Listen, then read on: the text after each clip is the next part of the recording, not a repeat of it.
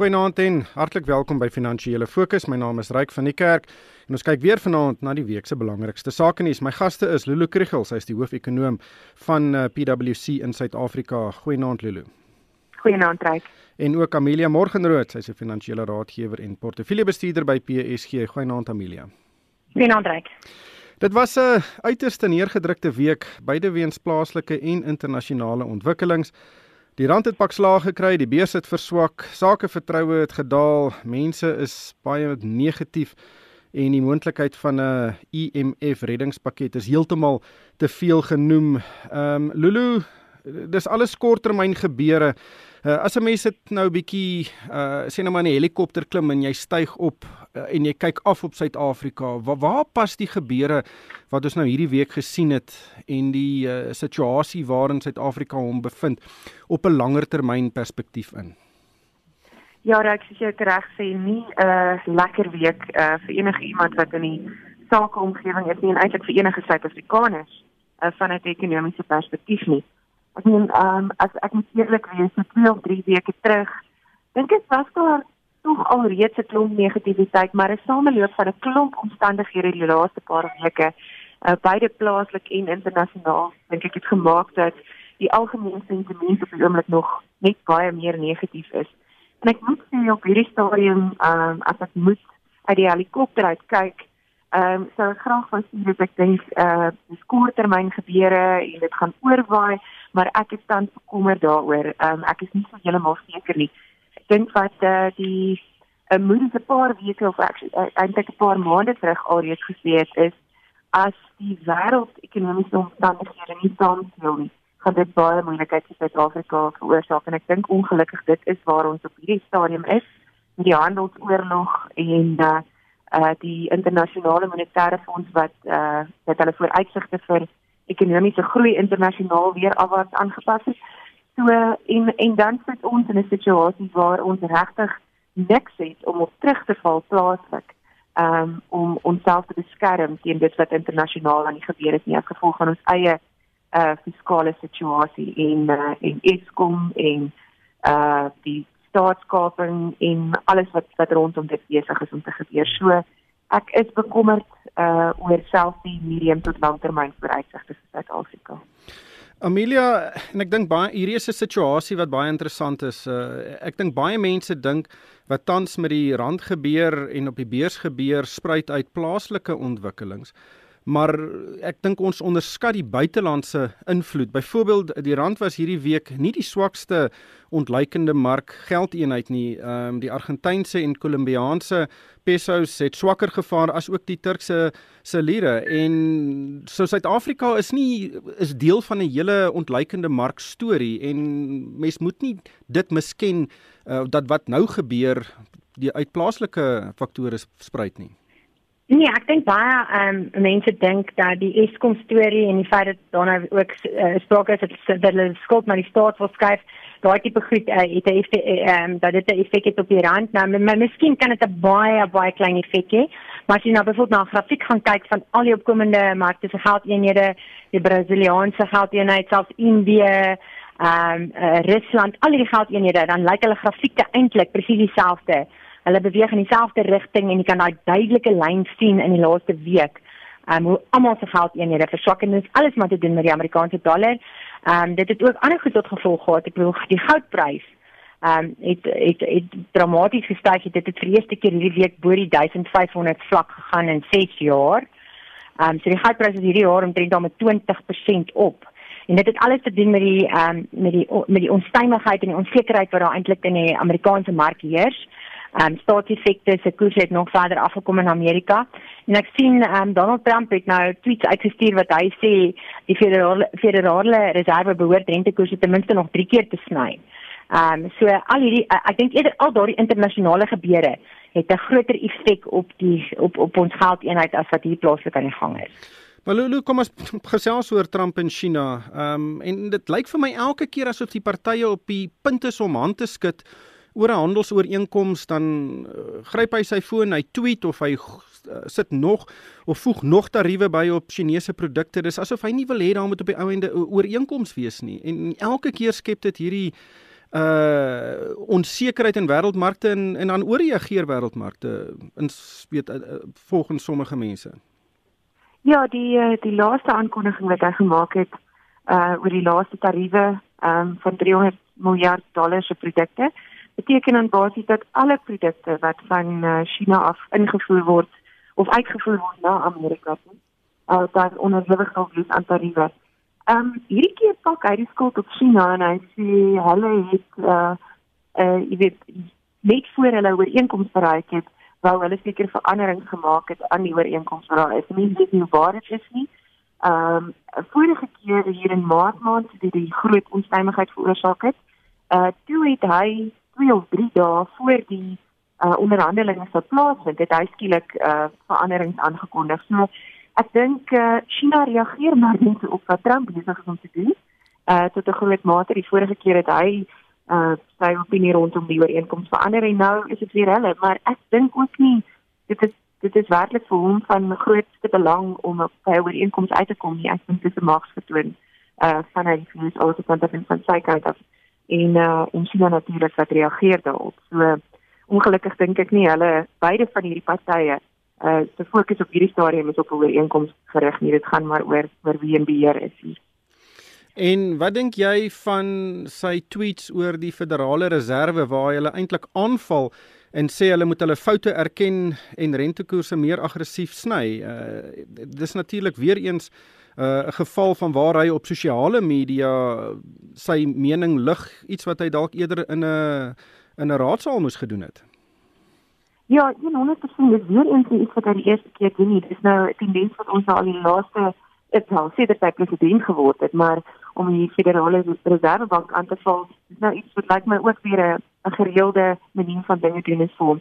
En dit is juist die geval dat hy op sosiale media is en uh, en dan hierdie aankondigings maak want dit stuur syne in die wêreld en dat daar uh nie direkte of of uh instemmigheid is in die FSA rondom beleid en waarheen hulle op pad is nie want hier kom die president sê een ding die federale reservebank ehm uh, lyk asof hulle skielik onder druk is. Ek meen hulle sê al vir geruime tyd ehm um, ons gaan rentekoerse verder verlaag hulle het dit reeds gedoen.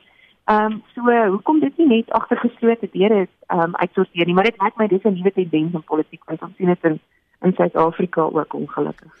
Wel interessant genoeg, ek het so ruk terug om 'n braaivleisvuur gehoor hoe iemand gesê het, ehm um, weet almal praat nou van Ramaphosa wat se tyd om verandering teweeg te bring raak al hoe korter. En toe sê die persoon hy moet net een ongewilde besluit neem. Net een besluit Amelia wat sê hy is in beheer en hy gaan die op die langtermyn die regte besluite neem. Ehm um, maar hy doen dit nie. Hy tweet nie eintlik eers nie. Uh en en hoe langer hy wag om so besluite te neem, hoe meer negatief word mense en en hoe minder geduld is daar vir hom om daardie veranderings te mee te bring.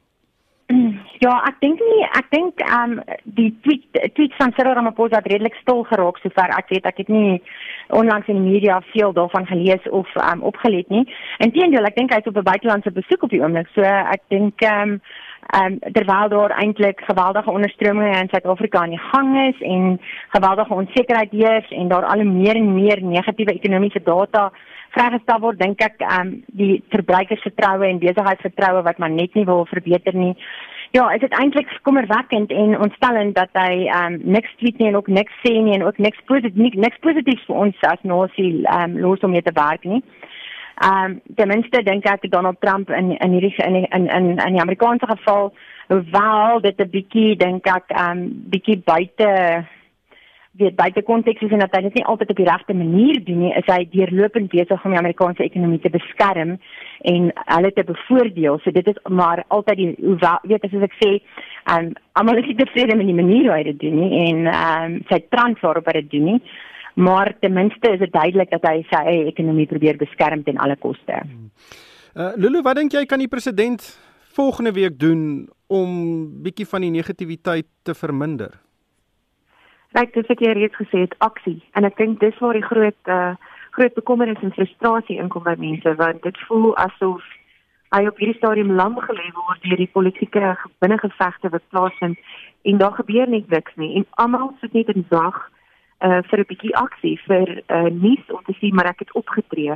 Ehm um, en en ek het 'n besluit geneem en ek gaan die volgende stappe neem. So ek meen voel op hierdie stadium hy's 'n bietjie sonder tande en ek hoop dit is nie iets wat wat permanent gaan voortduur nie. Ek mense kry die gevoel dat die binnengevegte is absoluut op gefokus om ehm um, sy sy vermoë om enigiets positief te doen uh, weg te neem en sy aandag af te lei en is wat ek graag hoop uh, gaan binnekort stop. So aksie, daadwerklike besluite um, en optrede en byvoorbeeld rondom Eskom, uh, die herstruktureringsbeampte is nou aangekondig, maar wat nou? Dit moet iets gewees het wat ons al beloof is in die begrotingsrede sal in Maart maand gebeur en hy het dit in in, in sy Februarie ehm um, staatsrede ook aangekondig. So mense wil net regtig graag iets sien. Ja, dis 'n dis 'n dis nie 'n voltydse posisie nie. Daar is nie 'n regruk plan vir Eskom nie en daar's nie 'n permanente uitvoerende hoof nie. Uh en hier hoor ons ook uh, die afgelope week dat Eskom wil die grootste gedeelte van sy skuld vir die regering gee omdat hy dit net nie eenvoudig nie kan bekostig nie. Amelia, daar is natuurlik Eskom is 'n baie baie goeie uh punt. Uh iets waar hy werklik 'n verskil in die korttermyn kan maak. Wat verwag jy? Ja, dit is nou tydens 'n ehm um, tydens ehm um, vergader beleggingsvergadering wat hulle in Londen het op die oomblik. Ehm um, dis Eskom. Amptenare is tans op 'n besoek daar om met beleggers te praat oor oor sy effekte en sy jongste resultate. Ja, dit is my verstommend dat hulle seker weet ek ek ek kan nie dink hoe beleggers internasionaal reageer op hierdie tipe goed.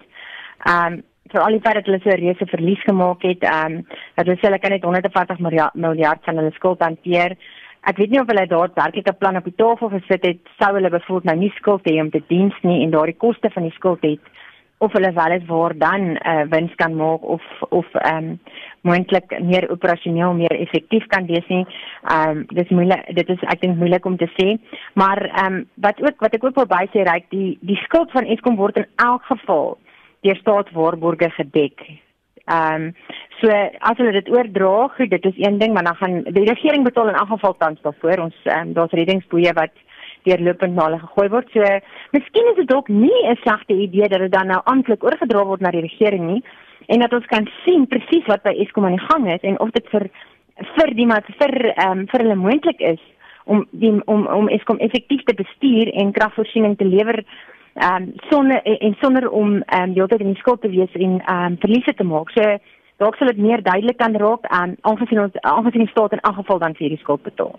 Lulu, is dit nie ook 'n geval van sê maar ehm um, kinders wat vir hulle ouers 'n klomp skuld wil gee omdat hulle dit nie meer kan bekostig nie, maar die die rede hoekom hulle so diep in die skuld is omdat daai kinders droog gemaak het en hulle die geld gemors en uh ek is seker daai ouers gaan nie baie genee wees om my skuld oor te neem in daardie omstandighede nie.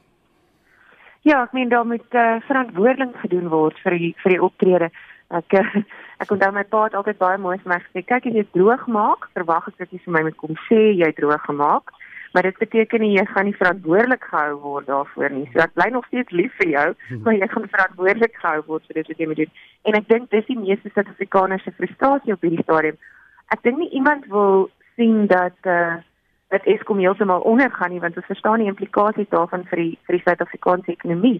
Maar daar moet daar moet ehm um, gevolge wees vir dit wat ons gesien het die laaste paar jaar by Eskom gebeur. En dit voel net asof dit nie gebeur nie. Dit voel net asof daar niemand aanspreeklik gehou word nie. Asof daar geen ongemaklike besluite geneem word nie.